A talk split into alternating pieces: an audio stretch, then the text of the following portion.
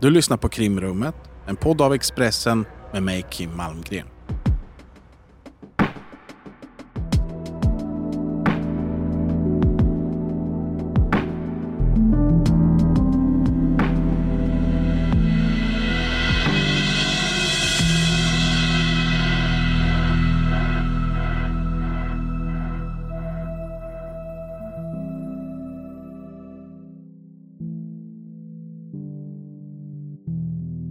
Den senaste tiden har kantats av våld mot unga. Bara den senaste veckan i Stockholm så har tre pojkar blivit dödade och mördade i tre helt olika våldshändelser. Det började i Märsta norr om Stockholm. En 11-årig pojke cyklade hem från sin mormor när han blev påkörd och skadades så allvarligt att hans liv inte gick att rädda. Bakom ratten satt en man med ledande roll i det kriminella Märsta-nätverket. En man som tidigare har dömts för att ha kört vårdslöst. Nu misstänks han för vållande till annans död. I en trappuppgång i Älvsjö knivmördades en 15-årig pojke när han var på väg till skolbalen. Den som sitter häktad för mordet är hans jämnårige barndomsvän. Enligt uppgifter hamnade de i bråk och den ene högg ihjäl den andra med en kökskniv. Sen så har vi dådet i Farsta Dådet som det här avsnittet kommer att handla om. Ekonyheter. Två personer anhölls i natt misstänkta för skottlossningen i Farsta i södra Stockholm igår kväll då fyra personer blev skjutna.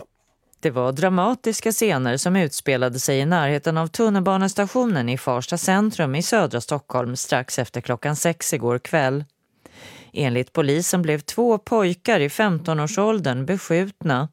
En av dem avled på platsen och den andra fördes till sjukhus. Med mig i studion har jag min kollega Fredrik Sjöshult. Välkommen tillbaka till Krimrummet. Tack så mycket. Om vi börjar med att beskriva den här platsen lite. Farsta centrum, vad är det för plats? Alltså Farsta centrum är ju ett klassiskt eh, förortscentrum. Jag är så gammal så jag kommer ihåg när man åkte till Stockholm och tyckte det var exotiskt att gå på gallerian inne i stan. Men sen när de här gallerierna växte ut mot i förorterna så var ju Farsta ett av dem som man åkte till först. Ett, ett fint centrum, det finns också en fin torghandel utanför, tunnelbanabuss. Det är också en knutpunkt mycket för den södra sidan av Stockholm. Så det, är verkligen så här ett myller av folk och en, klassisk som jag tror alla har någon form av relation till. En väldigt stor galleria för att vara just ett sånt här Stor galleria, en klassisk eh, fin galleria. Och sen är det också en blandad bebyggelse runt. Det är hyreshus, det är fina villor, fina radhus så, så det är liksom en klassiskt samhälle i, i Stockholm. Säga. Du har också de senaste åren haft eh, problem. Det har funnits element av kriminalitet. En av Stockholms mest blodiga gängkonflikter har utspelat sig i Farsta med omnejd. Det, det får man inte glömma bort, men, men jag tror de flesta ändå har någon, en helt annan romantiserad bild av Farsta och, och, känner någon som bor där, eller har bott där, eller man har bott där själv. och så vidare. Eller man har varit i gallerian eller man har varit ute på torget och så vidare. Så det är verkligen en, en plats som många har en relation till känns det som. Mm. Om vi då går tillbaka till i lördags vid sextiden på kvällen. Det är mycket folk i rörelse. Farsta centrum, sommaren har anlänt till Stockholm. Det är både ljust och varmt ute. Fredrik, det här är en, en tid när många många i rörelse. Det är det. Centrum har ju precis då stängt vid 18-tiden och det är många som är i rörelse fram och tillbaka. Man ska väl kanske på någon fest eller man ska på någon, någon, någon bjudning, någon sen studentmottagning, passera tunnelbanan då, torget. Torgarna fortsätter ju fortfarande där och det är en del folk vid grillen och så vidare och bussar som kommer in och åker och så vidare. Så det är väldigt mycket folk i rörelse vid den här tidpunkten. Nu på Storytel. Försvarsadvokaten Lydia Levander får chansen att lösa sitt största fall genom att försvara en misstänkt mördare. Hur långt är hon och kollegorna på advokatbyrån Pegasus beredda att gå? Fallet Mikaela. En ny deckare från succéförfattaren Anna Bågstam. Lyssna nu på Storytel.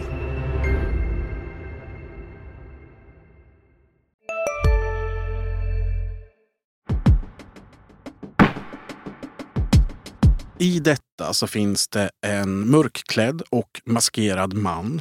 Utan förvarning så lyfter han vad polisen senare ska beskriva som ett militärt automatvapen och börjar avlossa skott. Han skjuter minst 21 skott innan han försvinner från platsen. Efter skottlossningen så ligger två personer kvar på marken. De har båda blivit träffade av skott. De ligger livlösa en bit ifrån varandra. Personer på plats startar snabbt med hjärt-lungräddning. När ambulansen anländer så använder man också hjärtstartare. Men man lyckas inte rädda deras liv. 15-årige Elias förklaras avliden redan på platsen. Den andra livlösa personen är en 43-årig man som förs till sjukhus där han förklaras avliden. Detta är en man som ursprungligen kommer från Eritrea men som bodde i Eskilstuna. Han heter Tess Famikal och skälet till att han befann sig i Farsta centrum där och då var för att han hade varit på en familjefest precis innan. Han var fotograf, han hade fotat på den här festen och var på väg hem till Eskilstuna när han blev skjuten till döds. Vi har varit i kontakt med närstående till honom och de beskriver honom som en god kristen som var väldigt aktiv i kyrkan. En man helt utan koppling till kriminalitet. På plats då i Farsta centrum så är två personer döda, men de är inte de enda offren. Efter skjutningen är det väldigt tumultartat på platsen och det dröjer ett ögonblick innan man hittar ytterligare två personer som har träffats av skott men som har lyckats ta sig från den omedelbara brottsplatsen. Det handlar om en pojke, 15-årsåldern, och en kvinna i 60-årsåldern. Båda har blivit skjutna i benet och deras skador är inte livshotande. Dagen efter så intervjuar Ekot den skottskadade kvinnan som berättar att hon blev träffad när hon var på väg hem från tunnelbanan. Jag blev skjuten av en förlupen kula. Jag befann mig kanske 20 meter från händelsen. Och händelsen skedde utanför Farstas eh, tunnelbaneingång. Jag låste min cykel 20-30 meter därifrån. Eh, jag hade skymsikte. Eh, jag såg bara bussholken och pelare och grejer. Jag såg inte framför, framför där vad som hände. Men när jag låste upp cykeln så gick det av ja, så fem snabba skott högljutt brutalt och eh, mitt i det där så kände jag oj, jag är skjuten i knät. Och jag bara släpper cykel och allting och nästa tanke, jag kan inte vara här, jag måste flytta min säkerhet så att jag börjar springa och, och benet håller så att jag springer 20 meter runt knuten genom en passage och, sätter jag skydd av en byggnad. Och där lägger jag mig på marken och blöder och, och så vidare. Fredrik, så som den här skjutningen beskrivs av vittnen så framstår den som väldigt brutal, hänsynslös. Ja, det är den eh, otroligt hänsynslös får man ju säga. Men det är ju andra sidan inte oväntat. Vi har ju läst chattar där gängmedlemmar pratar om att man ska spraya och då menar man alltså skjuta vilt med automatvapen. Vi har sett andra skjutningar där verkligen automateld har spridits över stora områden. Vi har hört gängmedlemmar som skryter om att jag ska, jag ska gå in och skjuta i en lekpark. Det finns liksom inte några spärrar här. Sen är det så här, det har vi sett gång på gång i våldsvågen också, att de här kan inte hantera automatvapen. Eh, när det exempelvis var skjutningen i Fruängen så ser man ju killen av rekylen, han som skjuter då, det var ju filmat, han liksom slits bakåt av, av rekylen. Han klarar inte att hantera det Han vapnet. klarar inte att hantera vapnet. Och vi, vi såg också en skjutning som var planerad i, Ham, i Hammarbyhöjden. Och där tappade de i vapnet. För de här små pojkarna de orkar ju liksom inte ens bära vapnet. Tappar vapnet då går det inte lyckligtvis att använda vapnet. Det visar ju vilket... Det är totalt... De, de kan inte hantera vapen. De, de, kan inte, om de nu hade en måltavla här så kan de inte rikta in sig på det. Men å andra sidan, det är inget nytt heller. Jag menar, titta på Stureplansmassakern där eh, Tommy Zethraeus eh, liksom inte kunde hantera automatvapnet. Han, han skulle ju skjuta då och göra upp med, med, en, med en dörrvakt på Sturekompaniet. Men automatelden kunde han ju inte. Den spreds över hela Stureplan då och det var ju flera då som, andra som avled än, än dörrvakten. Då. Så det är inget nytt på så vis men det har varit väldigt påtagligt under den här våldsvågen att de här unga barnen de har ingen förmåga att kontrollera sig. Det handlar bara om att spraya i ett område. Och den här skjutningen i Farsta den sker ju vid entrén till tunnelbanan. Du hamnar inte mer centralt än så egentligen. Nej, jättemycket folk i rörelse självklart. Ja, men man funderar lite över platsen. Nu vet vi ju inte motivet här men det är klart att det är ju en typisk plats där, den, där becknare håller till. Alltså de som ungar som, som säljer, ungdomar som säljer narkotika eller annat. Så det, det ser ut som att platsen ändå är vald på, på, med, med anledning av det får man tro. Vi har en brokig skara brottsoffer här. Det är två pojkar i 15-årsåldern men sen så har vi också då den här 43-årige mannen och kvinnan i 60-årsåldern. Flera av de här personerna känner inte varandra så vitt vi vet och de har ju stått i åtminstone tre olika sällskap när de blir träffade av skott. Detta väcker naturligtvis frågan om det finns folk här som har blivit skjutna av misstag. Så här svarar polismästare Max Åkervall på den frågan. Det, det, är för tidigt att säga det, men ifrån tidigare erfarenheter så finns det en risk för att man träffas av misstag när det är den här typen av grovt våld. Här pratar vi alltså om ett militärt automatvapen där ett stort antal skott har avlossats i en miljö som då frekventeras av ett stort antal människor. Men vi får återkomma i den delen. Samtidigt som det är fullt tumult i Farsta centrum efter skjutningen så inleds samtidigt en annan del av den här händelsen. Vittnen har sett skytten hoppa in i en väntande flyktbil. Det är en orange BMW som saknar registreringsskylt i fram som sedan har setts köras från platsen. En orange BMW, Fredrik, känns det som en optimal flyktbil? Nej, det är som att be om att åka fast. Så jag tycker det, det finns någon form av cynisk tanke anar jag bakom detta. Nästan att, att de här som du har fått, för jag utgår från att det här är ungar som har fått, ungdomar som har fått det här i uppdrag att åka och skjuta på den här platsen eh, av några längre upp i, i, i en gänghierarki. Uh, och de vet att det, det, spelar ingen roll om de här ungarna åker fast för att det står ungdomar på tur för att ta den här typen av uppdrag. De behöver inte vara rädda för det. Det, det, det, det är bara förbrukningsvaror de här skyttarna. Det är, engångsartiklar i de här gängkrigen. Och det, är, det är så oerhört cyniskt men det är också det, det vi har sett också liksom i chattar och så att man tigger om uppdrag. Det finns så många som står på tur och då, då, är klart, då kan man lika gärna sätta dem i en, i en självmarkerande bil som polisen hittar väldigt enkelt. Ja, för när det går ut på polisradion att de misstänkta gärningsmännen har försvunnit i den här bilen så dröjer det inte lång tid innan polisen får kon på dem. Efter några kilometers körning på E4 i sydlig riktning så har de halva Stockholmspolisen efter sig. Det hela slutar med att de svänger av motorvägen på avfarten i Järna och sen är den här jakten slut. Någon av dem försöker springa men hinner bara några meter innan han grips.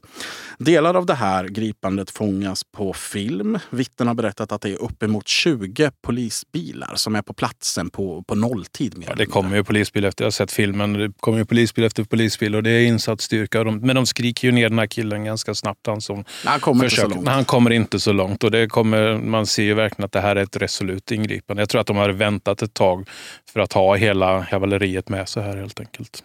Man griper de två personerna som befinner sig i bilen. De är maskerade när de grips och enligt uppgifter så hittar man också ett automatvapen i baksätet.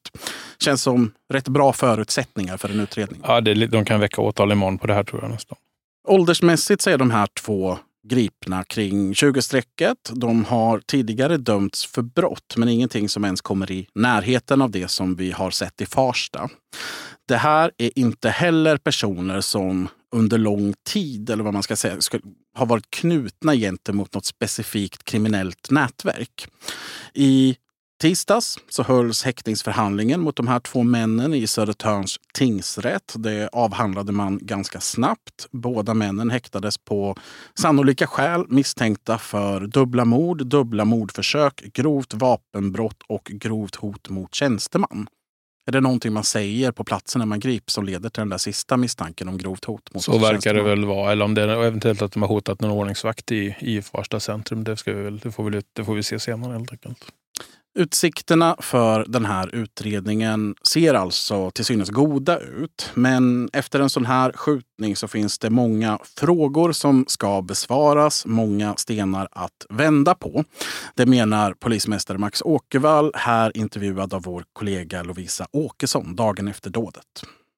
Det är för tidigt att säga hur många som kan vara inblandade men eh, av erfarenhet så är det ofta så att det finns personer bakom kulisserna.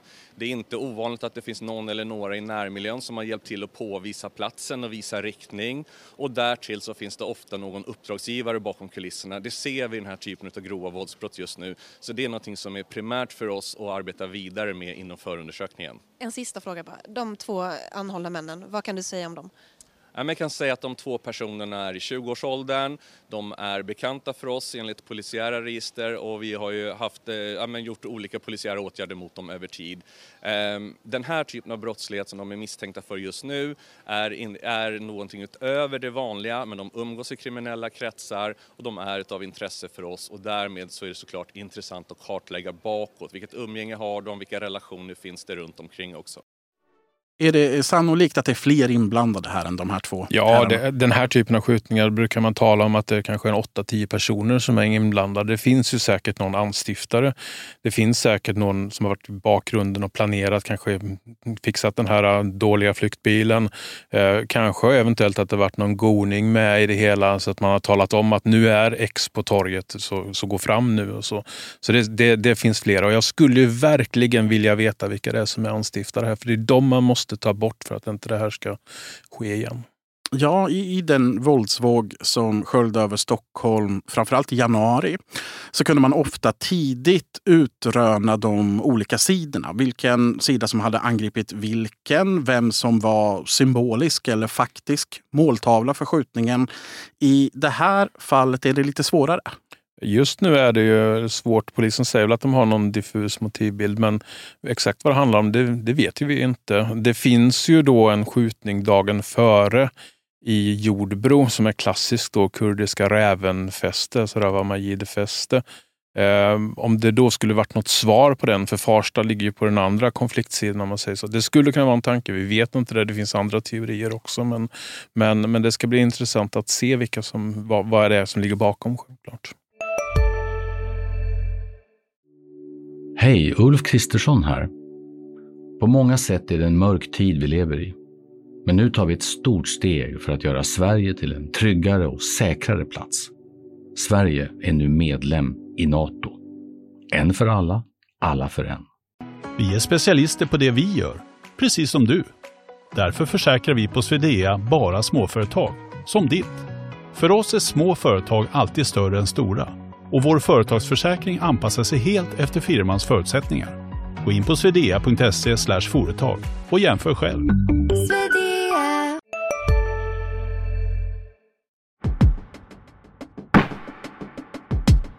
Vi var inne lite på det. Man kan nog inte helt säkert säga ens vem som har varit huvudsaklig måltavla här. Men polisen har sagt att man inte utesluter att det är de här pojkarna i 15-årsåldern, däribland då mördade Elias, som är måltavla för dådet. Men man säger också att det är för tidigt för att slå fast något. Efter det här dådet så har Elias familj uttalat sig genom kusinen Hoda Abbas.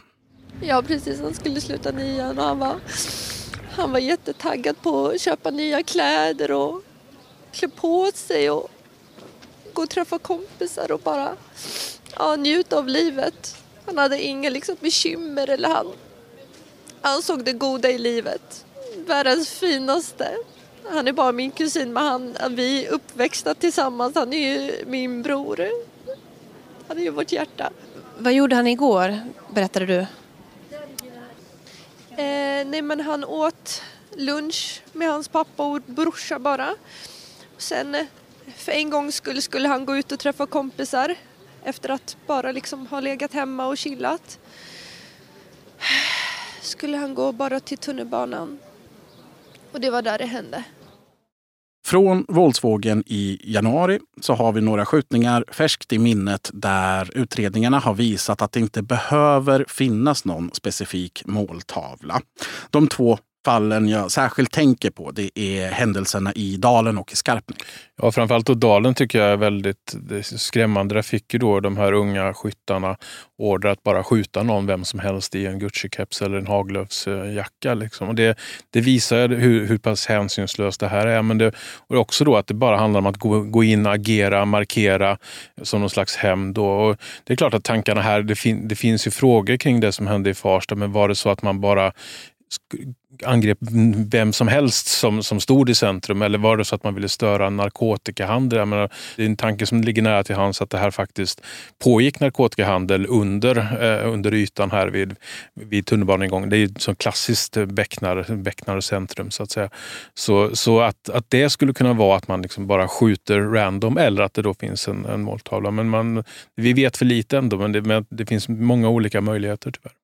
Och det som har hänt de senaste månaderna här, det har egentligen ritat om spelreglerna för vem som kan råka illa ut. Att gängen så tydligt kopplar en geografisk vist till ett kriminellt nätverk som man ligger i konflikt med. Så om man ska slå mot Dalen-nätverket då skickar man in en 15-åring att skjuta någon i Dalen. Någon mm. som ser ut att köra som det beskrevs i det fallet. Någon som man visuellt kan tänka sig kan ha koppling till gängkriminalitet. Ja, och, och, bara går in och sprayar i området. Det är bara Guds försyn att de här kulorna som då åker runt i dalen, att inte de går in genom ett lägenhetsfönster och träffar ett barn. Som, liksom, det, det, det, har varit så mycket tur ändå att det inte är fler som har dött här.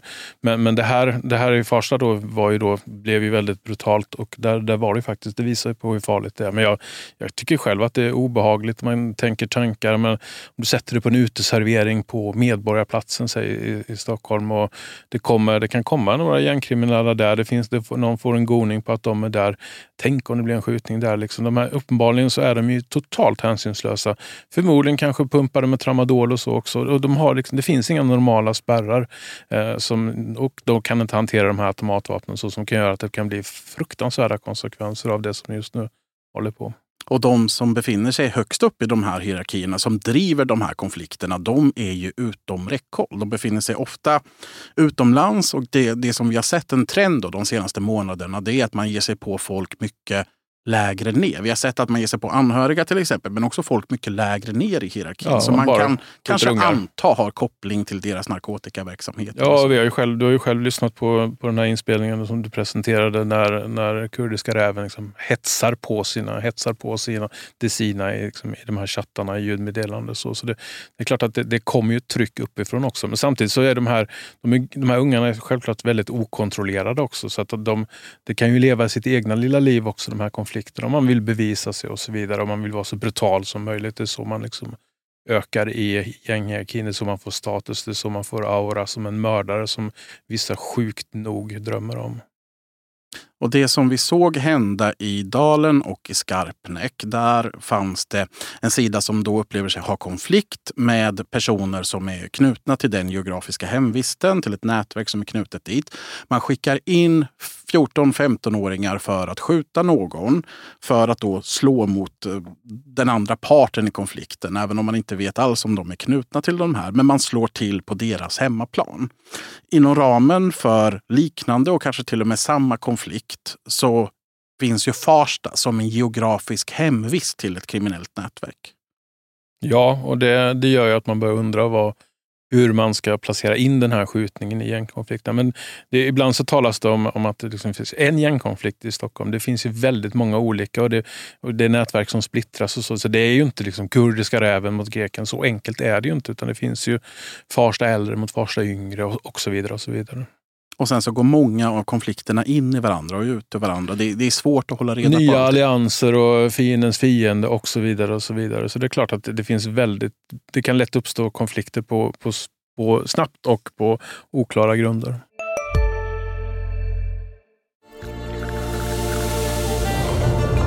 Välkommen till Maccafé på utvalda McDonalds restauranger med Baristakaffe till rimligt pris. Vad sägs om en latte eller cappuccino för bara 35 kronor? Alltid gjorda av våra utbildade baristor. Hej, Synoptik här. Hos oss får du hjälp med att ta hand om din ögonhälsa. Med vår synundersökning kan vi upptäcka både synförändringar och tecken på vanliga ögonsjukdomar. Boka tid på synoptik.se.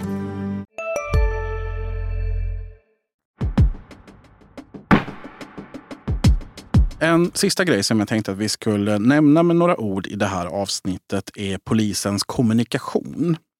På kvällen efter det här dådet så gick man ut med information att en pojke hade skjutits ihjäl och att tre personer vårdades på sjukhus för skottskador. Sanningen det är att den här 43-årige mannen också var död redan då. Enligt uppgifter som jag bedömer som väldigt trovärdiga så förklarades han avliden så fort han kom till sjukhuset. Trots detta så avstod polisen från att berätta detta då, av hänsyn till anhöriga. Och här står två principer emot varandra. Å ena sidan så har polisen ett viktigt uppdrag att informera när människor dör i den här typen av fall. Det handlar om en transparens gentemot allmänheten och upplever jag i alla fall någonting som man fäster stor vikt vid. Den andra principen det är att anhöriga till den döde ska informeras innan man offentliggör dödsfallet.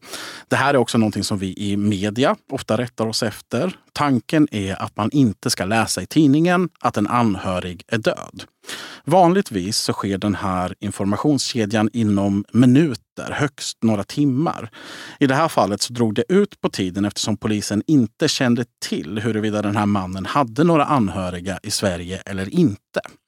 Och situationen som då uppstod är att den här välvilliga osanningen om att inte avslöja ett dödsfall innan anhöriga får veta något, den får en väldigt lång livstid. Det var till och med så att ett dygn efter dådet så berättar polismästare Max Åkervall för ett samlat pressuppbåd att tre personer fortfarande vårdas för sina skador. Då har alltså den här 43-årige mannen varit död i ett dygn efter ett väldigt publikt våldsdåd. Under det här dygnet så leder polisens hållning att fortsätta fara med den här osanningen att både statsministern och justitieministern upprepar samma felaktiga information. Vad, vad, tycker du Fredrik? Trampade polisen snett här? Det, det, du pekar på sista, det är ju väldigt allvarligt att statsministern, justitieministern eh, gör uttalande på, på felaktig på information som uppenbarligen var felaktig. Sen tycker jag, jag tänker tre saker om detta. Men det är ju så att, eh, att det, här, det, det finns ett väldigt grovt fall där det gick väldigt fel åt andra hållet. Det var efter morden i Arboga, alltså Kristin Kyrren och hon Eh, eller dödade två barn. Då var familjen på väg till sjukhuset. De, de transporterade skadade då till sjukhuset i Uppsala eh, och förklarades avlidna där. Och då fick familjen besked om att de var döda när de satt i bilen på väg till sjukhuset på grund av att man då gick ut med informationen då om att de, att de var avlidna. Det, det det, ju, det, fick de via radion tror jag det var. Det är klart att det är fruktansvärt, så får det ju inte gå till. Eh, men här tycker jag ändå att man hade kunnat hantera det annorlunda med tanke på att det var flera som var skjutna. Eh, det var uppenbarligen inga som var på väg till sjukhus då för att ta emot dödsbud. Eh, att, att då att man kan säga att två personer är nu avlidna, det, det hade inte varit att meddela ett dödsbud via medierna. Eh, för vi, vi vi, ska, vi, vi förhåller oss ändå till det här. Du hade informationen om att det var två döda. Jag hade också den på lördagskvällen. Det var flera här på redaktionen. Så vi, vi visste ju att det var så, men vi, vi, vi avvaktade ändå då med tanke på polisens hållning. Eh, så så det, det, här blev det fel och, det, och framförallt blir det då allvarligt när det är sådana händelser som ändå liksom, statsminister, justitieminister uttalar sig om. Så, så det, det blev fel och det blev, det blev väldigt allvarliga konsekvenser tycker jag ändå. Så det här, det här måste ändå Stockholmspolisen fundera över hur man hanterar. Men vi ska ändå inte släppa på den här principen att vi ska inte medla dödsbud till familjer som exempelvis då är på väg till, till ett sjukhus för att där få veta att, att, eh, att en person har avlidit. Vi kommer att fortsätta följa det här fallet. Det är alltså två män häktade nu. Vi ser vart allting tar vägen. Kanske blir det så att vi tar upp det i podden igen eller så gör vi det i artikelform. Vi sätter punkt för dagens avsnitt i alla fall. Tack så mycket Fredrik Sjöshult för att du ville vara med. Tack. Om du som lyssnar har frågor, nyhetstips, synpunkter, tveka inte att höra av dig till mig på kim.malmgren.expressen.se. Ett nytt avsnitt av Krimrummet kommer nästa vecka. Lyssna då.